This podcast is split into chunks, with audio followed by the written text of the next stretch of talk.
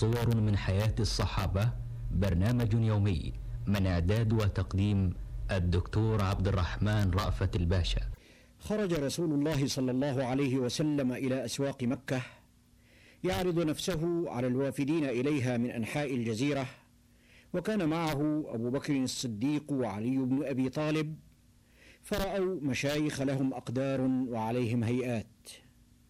فتقدم منهم أبو بكر وسلم عليهم وقال ممن القوم؟ قالوا من بني شيبان بن ثعلبة. فمال على الرسول صلى الله عليه وسلم وقال بأبي أنت وأمي ليس فوق هؤلاء من عز في قومهم. وكان في القوم المثنى بن حارثة الشيباني ومفروق بن عمرو وهانئ بن قبيصة. فالتفت إليهم أبو بكر وقال إن كان بلغكم خبر رسول الله صلى الله عليه وسلم فها هو ذا وأشار إلى النبي. فقالوا نعم. ثم التفتوا إلى رسول الله يريدون أن يكلموه فجلس النبي وقام أبو بكر خلفه يظلله بثوبه. فقال له مفروق بن عمرو وكان أقربهم مجلسا منه إلى أي شيء تدعو يا أخا قريش؟ فقال النبي أدعوكم إلى شهادة أن لا إله إلا الله وحده لا شريك له وأني رسول الله وأن تؤووني وتنصروني حتى أؤدي عن الله ما أمرني به. فقال مفروق وإلى ما تدعو أيضا يا أخا قريش. فتل الرسول صلى الله عليه وسلم قوله عز وجل قل تعالوا أتل ما حرم ربكم عليكم ألا تشركوا به شيئا وبالوالدين إحسانا ولا تقتلوا أولادكم من إملاق نحن نرزقكم وإياهم. ولا تقربوا الفواحش ما ظهر منها وما بطن ولا تقتلوا النفس التي حرم الله إلا بالحق ذلكم وصاكم به لعلكم تعقلون. فقال مفروق وإلى ما تدعو أيضا يا أخا قريش؟ فوالله ما هذا من كلام أهل الأرض ولو كان كلامهم لعرفناه.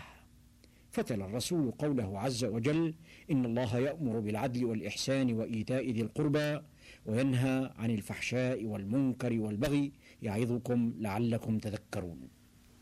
فقال له دعوت والله يا أخا قريش إلى مكارم الأخلاق.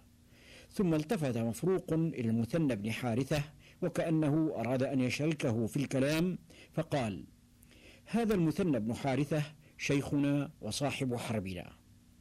فقال المثنى قد سمعت مقالتك واستحسنت كلامك لكن أمرا كهذا لا بد لنا من أن نرجع فيه إلى قومنا. ثم إنا نزلنا على ماء مشرف على أرض فارس وقد أخذ علينا كسرى عهدا ألا نحدث حدثا وألا نؤوي محدثا ولعل هذا الذي تدعون إليه مما يكرهه كسرى وقومه. ونحن لا قبل لنا بهم ولا طاقة لنا بحربهم. ولما هموا بالانصراف التفت إليهم النبي صلوات الله وسلامه عليه وقال أرأيتم إن لم تلبثوا إلا يسيرا حتى يمنحكم الله بلاد فارس وأموالهم ونساءهم أتسبحون الله وتقدسونه؟ فقالوا اللهم نعم. وهل ذلك لك يا أخا قريش؟ فقال نعم. قفل المثنى بن حارثة راجعا إلى ديار قومه وصورة النبي لا تفارق مخيلته ورنين كلماته لا يبارح أذنيه وظل يتتبع أخباره ويتذكر قولته أرأيتم إن لم تلبثوا إلا يسيرا حتى يمنحكم الله بلاد فارس وأموالهم ونساءهم. ثم يقول في نفسه ما الذي جعلني أقبض يدي عن بيعة محمد وقد أيقنت بصدقه وصحة دعوته.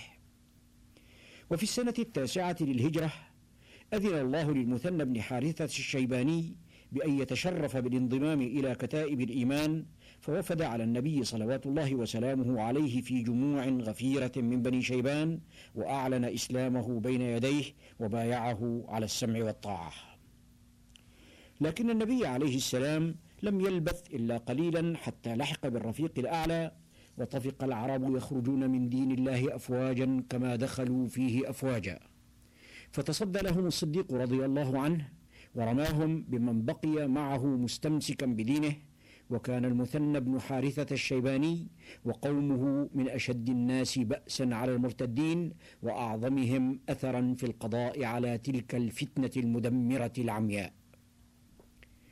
خرج المثنى بن حارثة من حروب الردة ظافرا ووجد تحت إمرته ثمانية آلاف مقاتل لا يعصون له أمرا وكانت كلمة الرسول صلوات الله وسلامه عليه عن استيلاء المسلمين على بلاد الفرس ما تزال ترن في أذنيه فقال في نفسه لم لا أضرب بهذا الجيش الباسي الفرس وأستنقذ من أيديهم سواد العراق؟ ألم يعدنا الصادق المصدوق بأن الله سيملكنا ديارهم ونساءهم وأموالهم؟ وهل تملك الديار وتحرز الأموال إلا بأسنة الرماح وشفرات السيوف؟ فعزم على أن يمضي بقومه إلى سواد العراق دون أن يستأذن الخليفة حتى لا يحرجه. فإذا انتصر كان نصره للمسلمين جميعا وإذا انكسر كان انكساره عليه وحده. هاجم المثنى بن حارثة سواد العراق فجعلت مدنه وقراه تتساقط تحت سنابك خيله كما تتساقط أوراق الشجر في فصل الخريف. وطفقت أخبار انتصاراته تشرق في أنحاء جزيرة العرب وتغرب. فقال الصديق رضوان الله عليه لمن حوله من هذا الذي تأتينا أخبار انتصاراته ونحن لا نعلم شيئا من أمره؟ وكان الجواب على هذا التساؤل هو المثنى نفسه فلقد أسرع إلى المدينة ولقي الصديق وأخبره بغاراته على سواد العراق. ثم إنه عدد له المدن والقرى والحصون التي حررها من الفرس وضمها إلى دولة الإسلام ووصف له جمال تلك البلاد ووفرة خيراتها وكثرة غلاتها وأطلعه على حالة الفرس واضطراب أمورهم واختلال ملكهم وما زال به حتى أغراه بفتح بلاد فارس. فنشط الصديق لذلك الأمر الكبير وجيش له الجيوش وجعل المثنى بن حارثة الشيباني أحد كبار قادته في هذه الحروب. خاض المثنى بن حارثة مع جيوش الفرس طائفة من المعارك. كان أعظمها معركة بابل الشهيرة. وكان من خبر هذه المعركة أن شهرزان ملك الفرس أرسل قبيل المعركة كتابا إلى قائد جيش المسلمين المثنى بن حارثة يقول فيه إني قد وجهت لحربك رعاة الدجاج والخنازير وغيرهم من الرعاع ولست أقاتلك إلا بهم فما أنت لمن فوقهم بأهل. فرد عليه المثنى برسالة جاء فيها من المثنى بن حارثة الشيباني قائد جيش المسلمين إلى شهرزان. أما بعد فإننا نحمد الله الذي رد كيدكم إلى نحركم وأحوجكم إلى رعاة الدجاج والخنازير للدفاع عن أنفسكم وغدا حين يلتقي الجمعان سيعلم الظالمون أي منقلب ينقلبون. ولما التقى الجمعان أقبل هرمز قائد جيش الفرس على رأس الآلاف المؤلفة من جنوده يتقدمهم الفيل الأعظم الذي كانوا يحتفظون به لكبريات المعارك. فطفق ذلك الحيوان الرهيب المدرب يضرب جنود المسلمين بخرطومه الطويل الغليظ يمنة ويسرة. فوجلت منه قلوبهم وجفلت من رؤيته خيولهم وتصدع بسببه نظامهم.